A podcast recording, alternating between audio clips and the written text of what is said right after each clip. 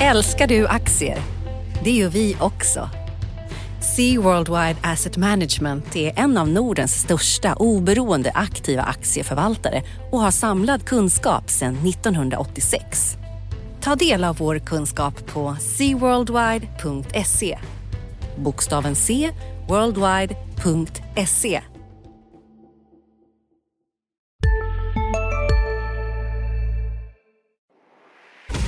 Har vi totalt missuppfattat hur världen ser ut? På Dagens Industris konferens Världen, som inleder året den 15 januari kommer Gapminders vice VD Anna Rosling att dissekera tre megamissförstånd kring vår världsbild. På agendan finns även Investors ordförande Jacob Wallenberg om hur Sverige ska förbli ett världsledande innovationsland. Hur fortsätter Kina sin väg mot global dominans? En inblick från Fredrik Schuh, Sweden China Trade Council. Economists världsredaktör Alistair Ross ger en initierad framåtblick om världen 2019. Vill du förstå världen bättre och veta allt om vad som händer 2019 med Brexit, Trump, klimatet och Sverige? Anmäl dig idag på di.se konferens.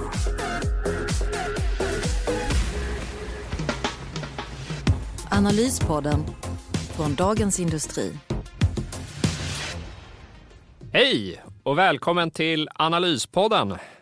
Det är fredag den 14 december, strax innan lunch när vi spelar in det här. Uh, I studion här så är det jag, Johan Wendel, reporter och analytiker på DI. Med mig har jag live från Göteborg, Rickard Bråse, analytiker på DI. Välkommen!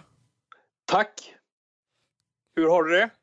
Ja, men eh, det ser ju, det är både mörkt ute och det är mörkt på börsen här. Vi, när vi går in i studion här så är vi Stockholmsbörsen ner ungefär 1 procent. Eh, jag roade mig faktiskt med att kolla här eh, vad börsens breda index, OMXPI då, utan utdelningar, har gått senaste fem åren i dollar. Kan du gissa den avkastningen?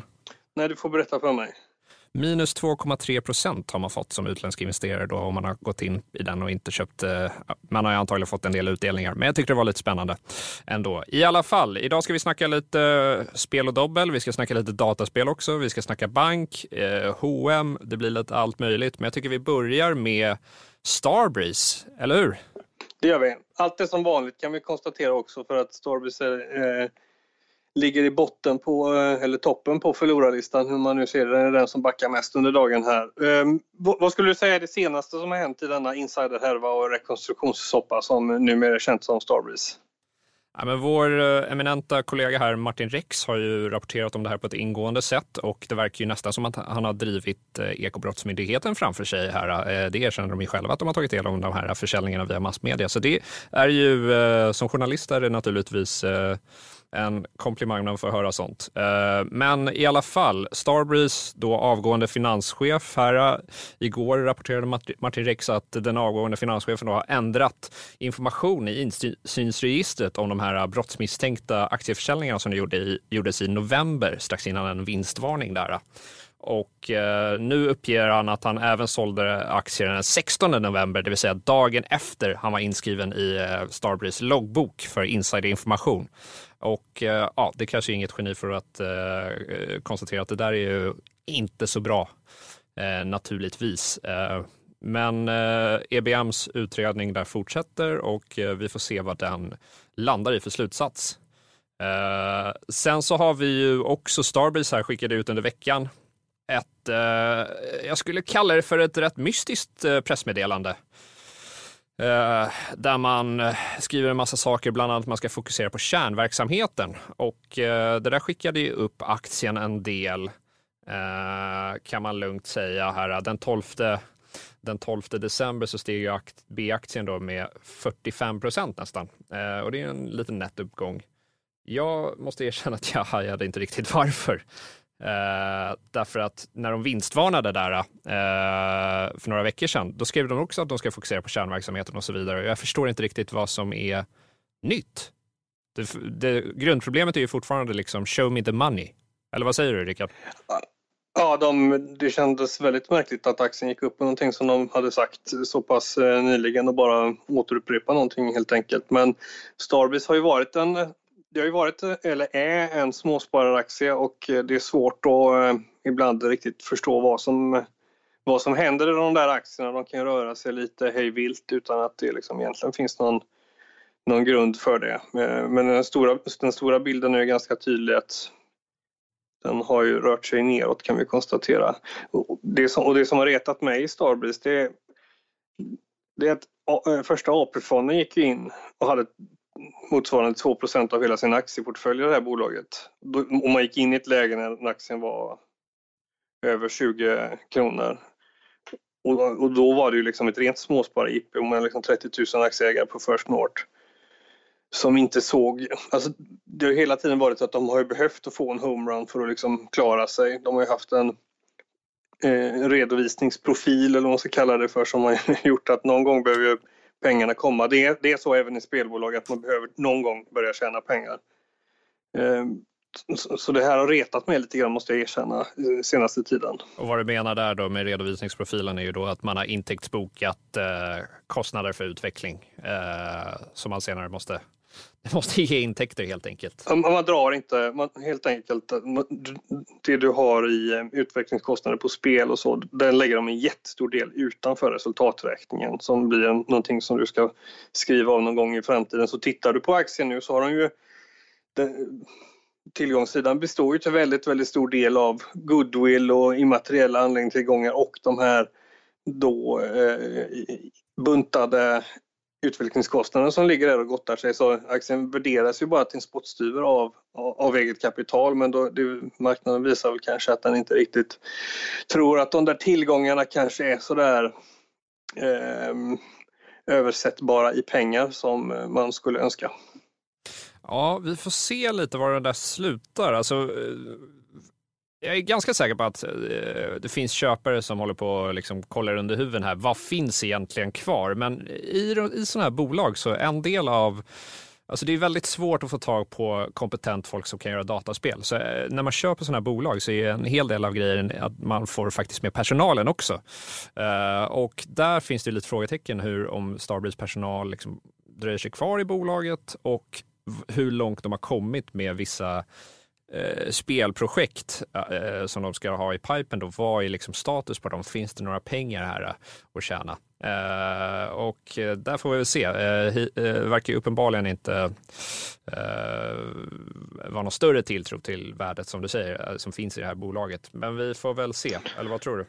Ja, men och sen tittar man på tidigare rekonstruktioner vi har haft ganska stora sådana även utanför börsen i det här landet. Det är inte så att det kanske är genierna som är de som är de sista som sitter kvar i en rekonstruktionssituation. Så att det där, klockan tickar alltid i en rekonstruktion och det gör den antagligen här också. Sen får vi se vad det, vad det här tar vägen.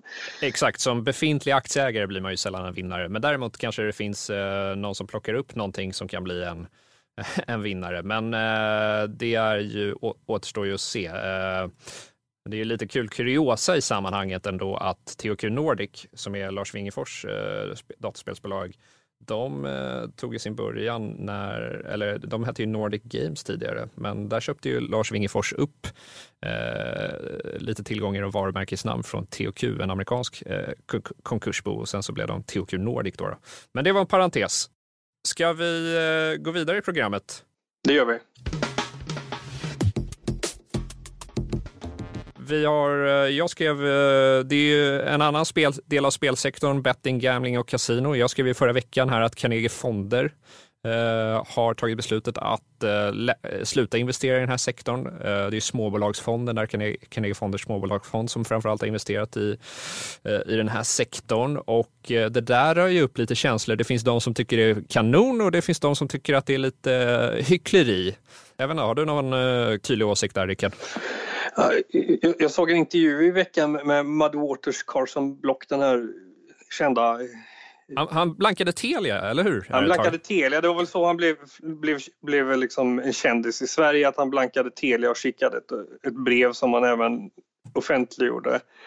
Eh, som han skickade till styrelsen, har jag för mig där. Eh, men det är ju så de opererar. Det finns ju några sådana, Spruce Point är en annan sån här som lägger fram sina teser så alla kan läsa dem på internet.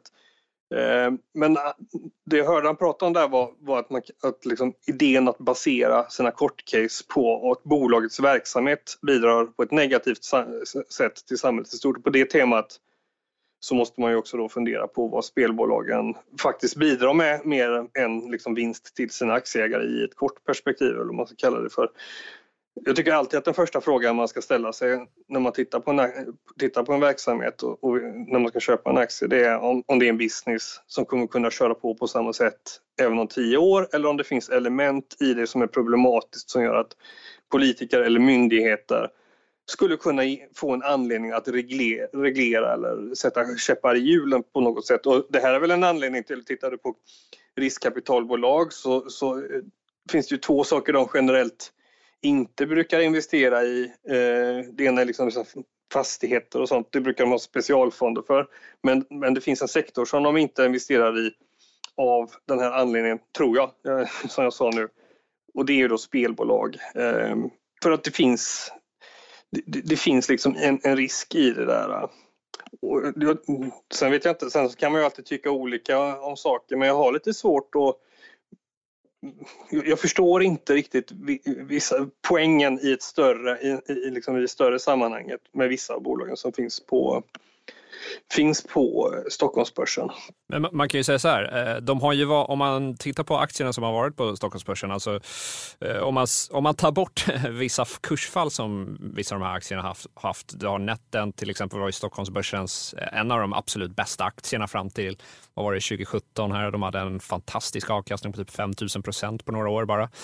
Leo Vegas innan kursfallet och Betsson innan kursfallet och Kindred och tidigare Unibet har ju varit en fantastisk investering. Så de har ju varit otroligt bra aktier. Nu har ju sektorn blivit lite hatad. Om det är på grund av att fondbolag, till exempel Handelsbanken Fonder eh, och så vidare, har sålt av sina aktier över, delvis över marknad och tryckt ner sentimentet.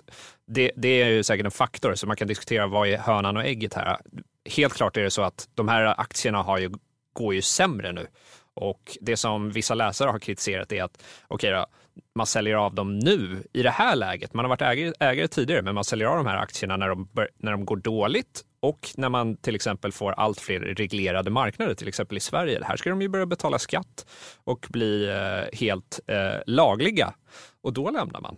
Uh, det, ja, det blir lite som att man letar efter en anledning att få sälja sina aktier. Alltså, ingen, man gillar inte att sitta med förlorade aktier, det är ingen som gör det och då hittar man en bra anledning att göra det. Är det så du menar? Ja, men, ja, men exakt. Ja. Eller det är den synpunkten som vissa läsare har, uh, har fört fram. Och jag, det, jag tycker det, det, finns ju en viss poäng där. Uh, samtidigt som jag, jag förstår de som tycker att det är problematiskt. Man kanske har fått någon form av uppvaknande och, och, och liksom, uh, kanske gjort en omvärdering. Man får ju ändra sig som bekant.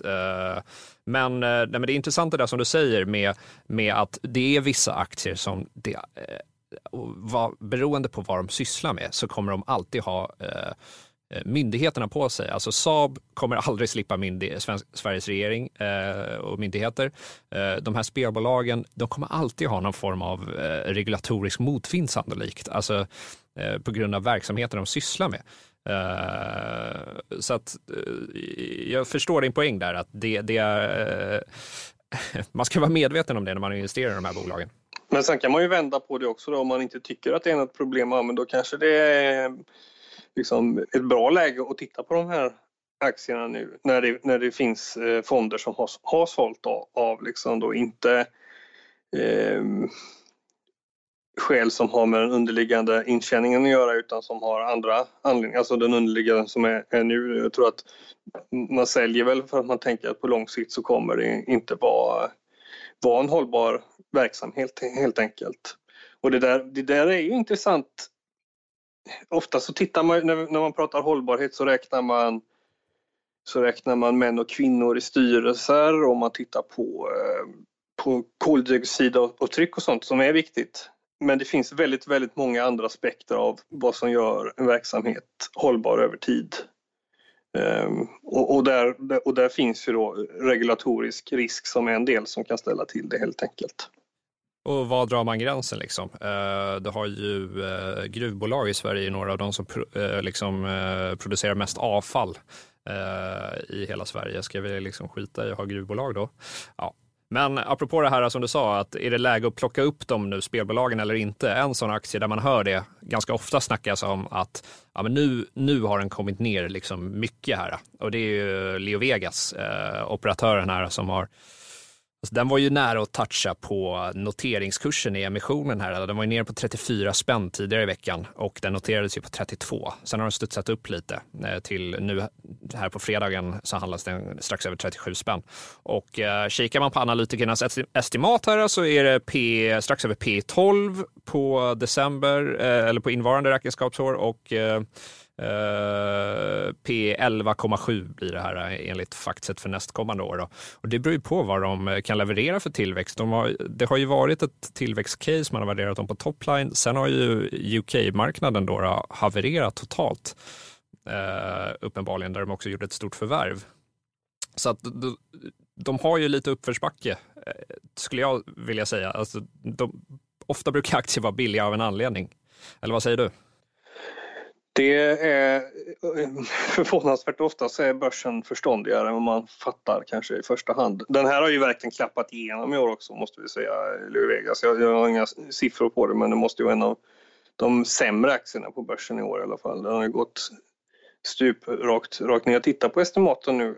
Det ser ju inte så där ut som någonting som, man, som jag skulle lägga benen på ryggen för att springa och köpa i det här läget. Eh, Nej, EPS, alltså EPS-estimaten där, om vi tittar för 2019 så har de ju eh, Alltså den senaste rapporten har ju inte gjort att de har justerats upp i någon större omfattning kan vi konstatera här. Eh, det är ju tvärtom såklart. Men, men Nej, jag vet inte. Jag, jag, jag, skulle vara, jag skulle vara lite, försikt, lite försiktig här med Leo Vegas faktiskt. Låt dem bevisa att de är att, att lita på faktiskt. Och sen så tycker jag ärligt talat att de skulle ha vinstvarnat in, inför Q3. Alltså med tanke på hur, hur pass dålig den var. Men man ser ju på liksom, eh, analytikerna har ju uppenbarligen eh, tagit lite höjd för det, för deras estimat har ju gått ner källan under en, en längre tid kan vi ju säga. Mm. Eh, så det kan man ju fundera på där. Men eh, Ja, men om du tittar på det, fortsätter du liksom att dra ner estimaten för nästa år på det här sättet så har du liksom negativ vinsttillväxt nästa år. Så att det kan ju bli intressant för dem. Det får vi se. Vi får kanske anledning att återkomma till det.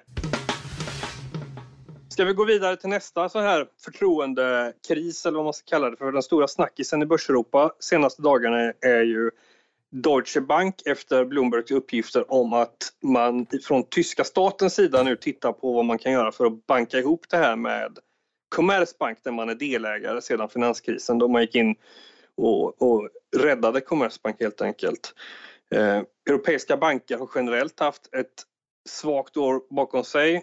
Man har dessutom haft, kan säga ett svagt decennium snart bakom sig där hela 2010-talet där har, där har du fått liksom minus 50% inklusive utdelningar nästan. Eh, och problemet med banker är ju att de det, är svårt som ut, utomstående att, förstå exakt vad som finns i de här balansräkningarna och vilka risker de sitter på. Och det gör att de här bankerna i sin tur då aldrig står stadigare än vad marknadens förtroende medger och förtroendet är inte på topp i vare sig Deutsche Bank eller Commerzbank. Men det finns ju två saker där som skulle vara intressant för att få till någon form av räddningsaktion och styra upp eh, de här härvorna. Och det är dels då att tyska staten, om, om du slår ihop de här två så kommer just tyska staten vara delägare i det. Och då finns det ju någon... Sista dagarna nu på vårens stora season sale. Passa på att göra sommarfint hemma, både inne och ute. Och fynda till fantastiska priser. Måndagen den 6 maj avslutar vi med Kvällsöppet i 21. Välkommen till Mio. Med en värld i gungning blir det viktigare än någonsin med kunskap och diskussion. Att värna det fria ordet, för livet och demokratin. Så när du trodde att du visste allt, har vi alltid lite till. Privata affärer plus allt. All journalistik du behöver, samlad. Prova en månad gratis. Form av potentiell ankarinvesterare som kan garantera, det, garantera kalaset. Och, och dels så har du då synergier som du, som du borde kunna eh, stampa fram. Eh, ur det här och sätter du multipel på, jag skrev i, i dagens tidning att om man skulle liksom få fram 20 miljarder i, i kostnadssynergier så sätter du multipel på det så har du liksom, då har du börsvärdet eh, inräknat där nästan. Så att det finns liksom en industrilogik bakom det hela. Men sen finns det ju ett ytterligare problem för de tyska bankerna. I, i, liksom, hade, hade, hade någon suttit uppe på månen eller varit ute i yttre rymden och kommit tillbaks så hade man kanske varit förvånad, eller inte varit förvånad över att Deutsche Bank sticker ut och gått sticker ut från, från liksom index utan att man gör det för att man har gått så otroligt mycket sämre än ett index som har gått så dåligt. Och att det då Deutsche Bank kommer liksom från den starka tyska ekonomin. Men den tyska banksektorn eh, är präglad av mutuals och, och, och, och sparbanker som inte drivs med samma vinstorientering eh, som gör att du får en strukturellt svag lönsamhet som gör att de har liksom inte den här hemmamarknaden att luta sig på som alla andra framgångsrika internationella banker har. Om du, om du tänker liksom på de svenska bankerna så har de kunnat sitta och tjäna pengar i Sverige och så har de kunnat ägna sig åt äventyr utomlands. De äventyren har ju inte alltid gått så jättebra. De har ju i vissa fall varit katastrofala som för till exempel när Swedbank och SEB skulle härja i Ukraina till exempel för, för tio år sedan. Men man har ändå haft någonting att luta sig på. Eh, så att det finns, det kommer liksom fort, någonting behöver nog göras i den här. Det, det är väldigt mycket intresse kring Deutsche Bank. Att det börjar kännas lite så här Lehman Brothers-varning. du kan gå tillbaka och se på intervjuer med de liksom duktigaste hedgefondförvaltarna innan Lehman sprack. Det var inte så att de satt och sa exakt vad som var fel utan det var mer att det här stämmer inte. Det här går inte ihop. Det här kommer liksom att barka. Och det är lite samma känsla i Deutsche Bank för närvarande. Ja, och jag måste bara inflika där. Ska ni gå in och kolla på någon av de här hedgefondförvaltarna så finns det ju några kanonintervjuer med David Einhorn Eh, på CNBC där han, innan Lehman-kraschen när han duellerar mot Lehmans management. Det är fantastiskt eh, bra tv. Ja, det kan vi verkligen rekommendera. Youtube är ju en enorm källa till underhållning och kun kunskap, eh, får vi säga. Det, det, det var precis Einhorn jag satt och tänkte på när jag, när jag sa det där om, om, eh, om hedgefondförvaltare som spånade eh, och spånade rätt men liksom inte riktigt kunde formulera det helt klockrent ändå eh, innan det smällde för att det är så fruktansvärt svårt att liksom genomskåda det som, som utomstående. Och det, det, det, roliga är ju där, om vi bara, att alltså finanschefen i uh, Lehman Brothers, Erin Callahan, alltså i brist på bättre ord, eh, hon har ju uppenbarligen farit med osanning. Det är svårt när man liksom kommer med, då som Einhorn där satt och gjorde, och kom med olika siffror och, och, så vidare och de bara förnekade det i, i vissa fall och ljög helt enkelt. Då är det ju, som du säger, då är det väldigt svårt att sätta fingret på vad som är fel när liksom management ljuger eh, rakt upp och ner utan problem. Men ja, ja. Nej, kolla på den. Det är stark köprek. Uh, men det är verkligen, tio år sedan var ju Deutsche Bank, då skulle de ju ta över världen, en av världens största investmentbanker. Nu har de lägre börsvärde än, uh, är det samtliga fyra svenska storbanker va? Är, Absolut, och, ja. och, samtliga, nordiska, uh, samtliga nordiska banker och även om du bankar ihop börsvärdena för Deutsche Bank och Commerzbank så är de bara liksom snäpp, skulle det bara vara snäppet större än Swedbank, vilket ju också bara det det känns ju som en sån här sak som man borde reagera på att, att, eh, att eh, Swedbank är ju bara en, en, en av fyra svenska banker och Tyskland är ju lite större än vad Sverige är, lite större ekonomi. Att det känns lite orimligt att om du bakar ihop de två största då där, att de fortfarande är bara lite, lite större typ, sett till börsvärde ska vi konstatera också för att blir, bilden blir lite annorlunda om man tittar på, på tillgångar när du har Swedbank som kanske värderas till 1,6 gånger eget kapital och de här är nere på 0,3 eller något liknande. Ja, men det blir eh, en spännande följetong där. Den har ju hållit på ett tag, men eh, kanske blir det någonting avgörande som händer här kommande eh, veckor. Men eh, du, eh, Rickard, det har ju hänt en del, på, du var inne på det tidigare med riskkapitalbolag. Eh, de har ju satt lite bolag på börsen här eh, under den här noteringscykeln kan man visst konstatera. Eh, vi har ju eh, Ahlsell som säljer eh, grejer till eh, proffs, hantverkare och så vidare. Som eh, i veckan kom det ett uppköpsbud på dem eh, från samma riskkapitalbolag som noterade dem. Förvisso är en annan fond, men i alla fall, de bjuder 56 spänn per aktie. Eh, och eh, Ahlsell har ju inte haft någon vidare resa på börsen sedan de noterades 2016 där. Man har inte fått den här lönsamhetsförbättringen man har lovat. Kassagenereringen har ju fallit. Eh, det har helt enkelt inte sett så bra Marknaden har varit oroad över den här byggexponeringen de har. Eh, de själva påpekar ju då att den här utgör en mindre del av vår försäljning och så vidare. Men man kan ju sätta frågetecken kring hur stor del av rörelsevinsten den faktiskt genererar. Att det är kanske är en lite högre andel av rörelsevinsten som den producerar. Uh, sen har vi ju, vi har ju flera andra riskkapitalbolag, uh, satta bolag, vi har ju Munters uh, och så vidare. Du har lite åsikter kring de här bolagen, Ja, men sätter du dig och, och tittar igenom börsens bolag och letar efter bolag med liksom ganska hög skuldsättning och eh, bolag där eh, man använder sig av justerade ebit och ebit A och ebit D-resultat som är väsentligt högre än vad liksom kassaflödet är och där de går isär, då, då hamnar du...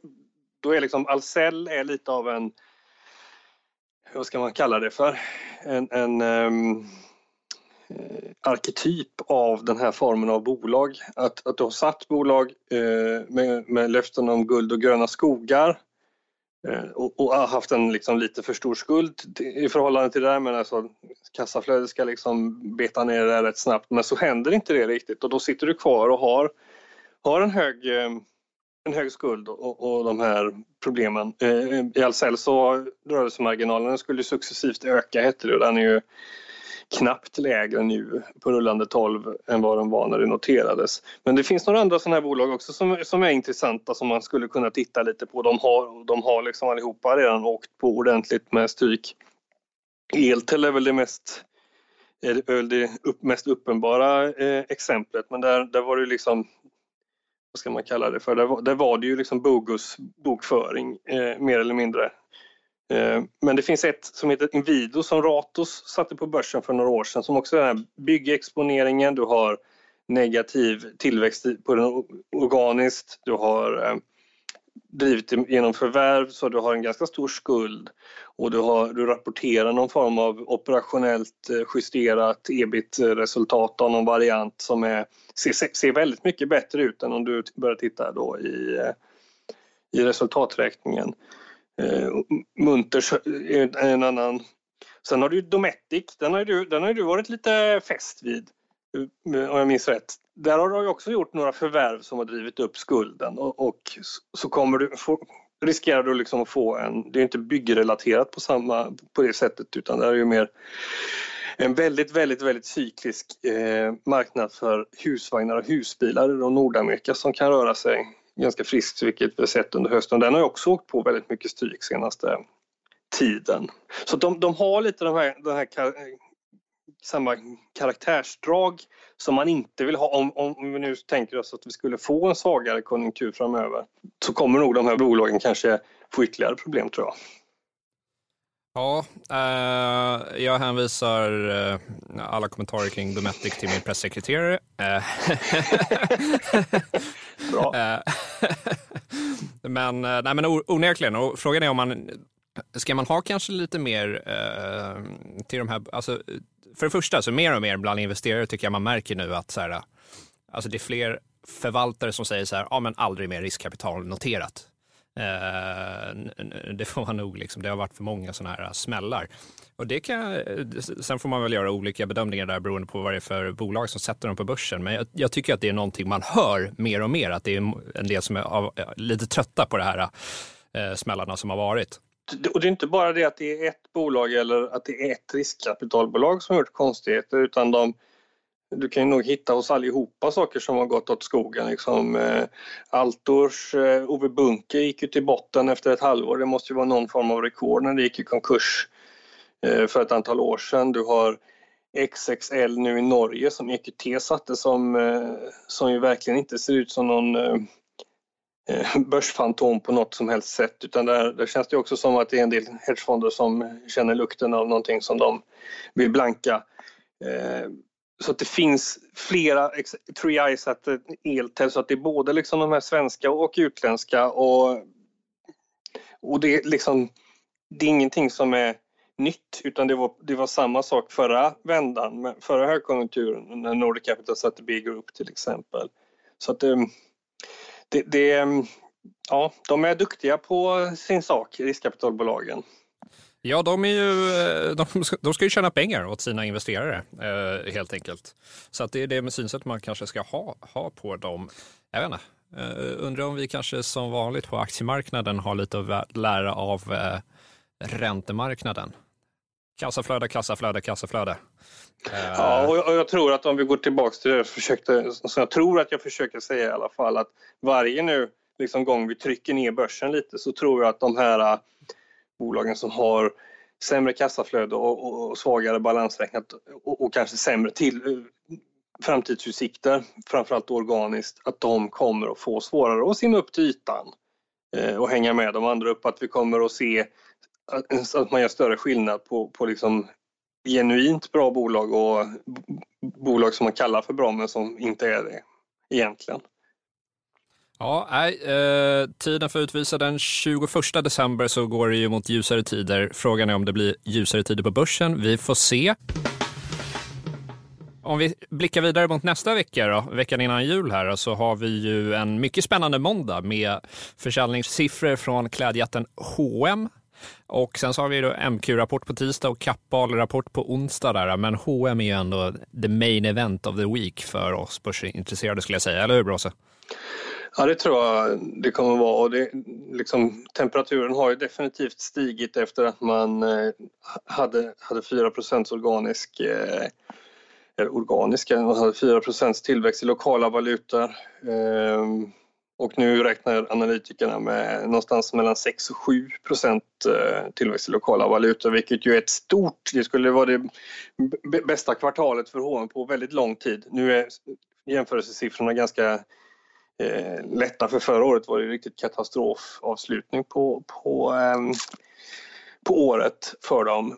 Samtidigt så har vi haft lite vinstvarningar och sådär från den sektorn och det var ju någon eh, Sportklädes VD som var ute igår senast tror jag och sa att det liksom var att november har varit helt horribelt dåligt så att vi får se. Det, det, det är liksom inte så här att det är givet att det ska vara någon succé, tycker inte jag.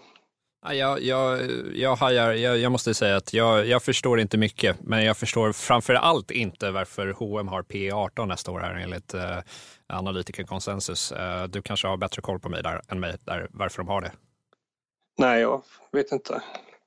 Vi får ta in någon som förstår i podden någon gång och så kan de berätta det. Ja, är det någon eh, lyssnare där ute som har eh, någon aning om det så får ni gärna höra av er. Eh, nej, men skämt åsido, eh, det är en hög värdering. Alltså, som du skrev tidigare i veckan och påpekat så alltså, de har ju samma värdering nu som Inditex som är lönsammare och, har, eh, lönsammare och har bevisat sig bättre här de senaste åren. Och eh, jag vet inte, någonstans tycker jag att värdering förtjänar man.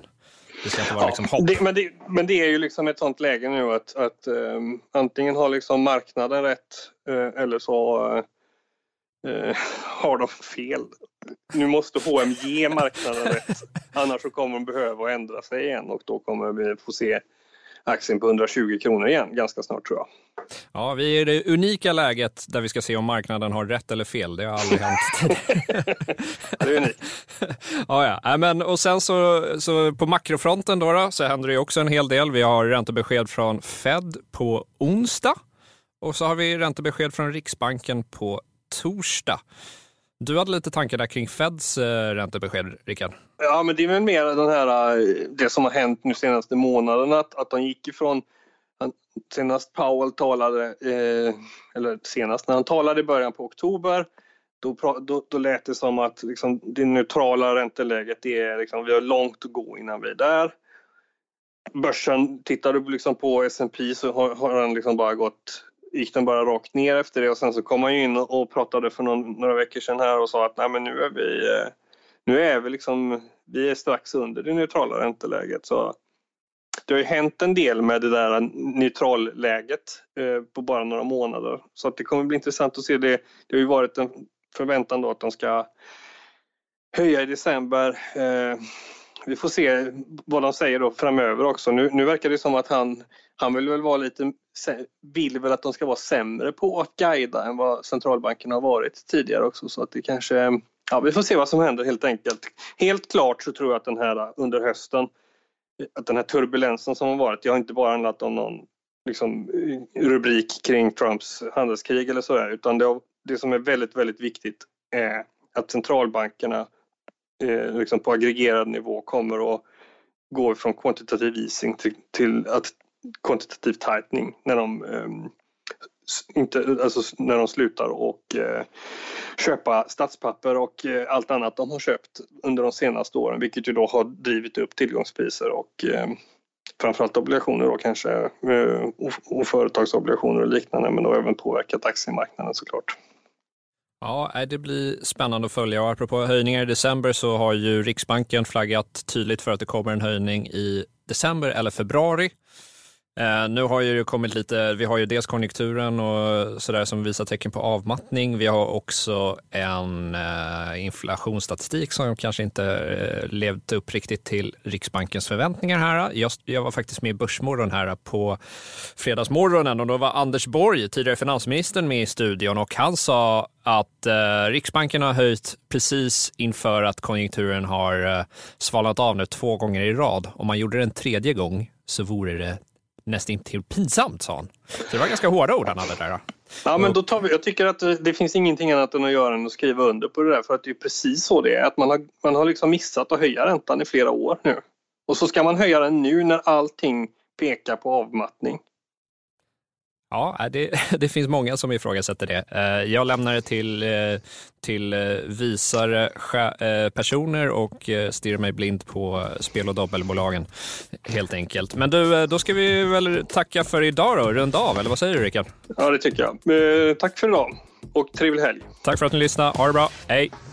Analyspodden från Dagens Industri. Programmet redigerades av Umami Produktion. Ansvarig utgivare Peter Fellman. Har vi totalt missuppfattat hur världen ser ut? På Dagens Industris konferens Världen som inleder året den 15 januari kommer Gapminders vice vd Anna Rosling att dissekera tre megamissförstånd kring vår världsbild på agendan finns även Investors ordförande Jacob Wallenberg om hur Sverige ska förbli ett världsledande innovationsland. Hur fortsätter Kina sin väg mot global dominans? En inblick från Fredrik Schuh, Sweden China Trade Council. Economists världsredaktör Alistair Ross ger en initierad framåtblick om världen 2019 vill du förstå världen bättre och veta allt om vad som händer 2019 med Brexit, Trump, klimatet och Sverige? Anmäl dig idag på di.se konferens.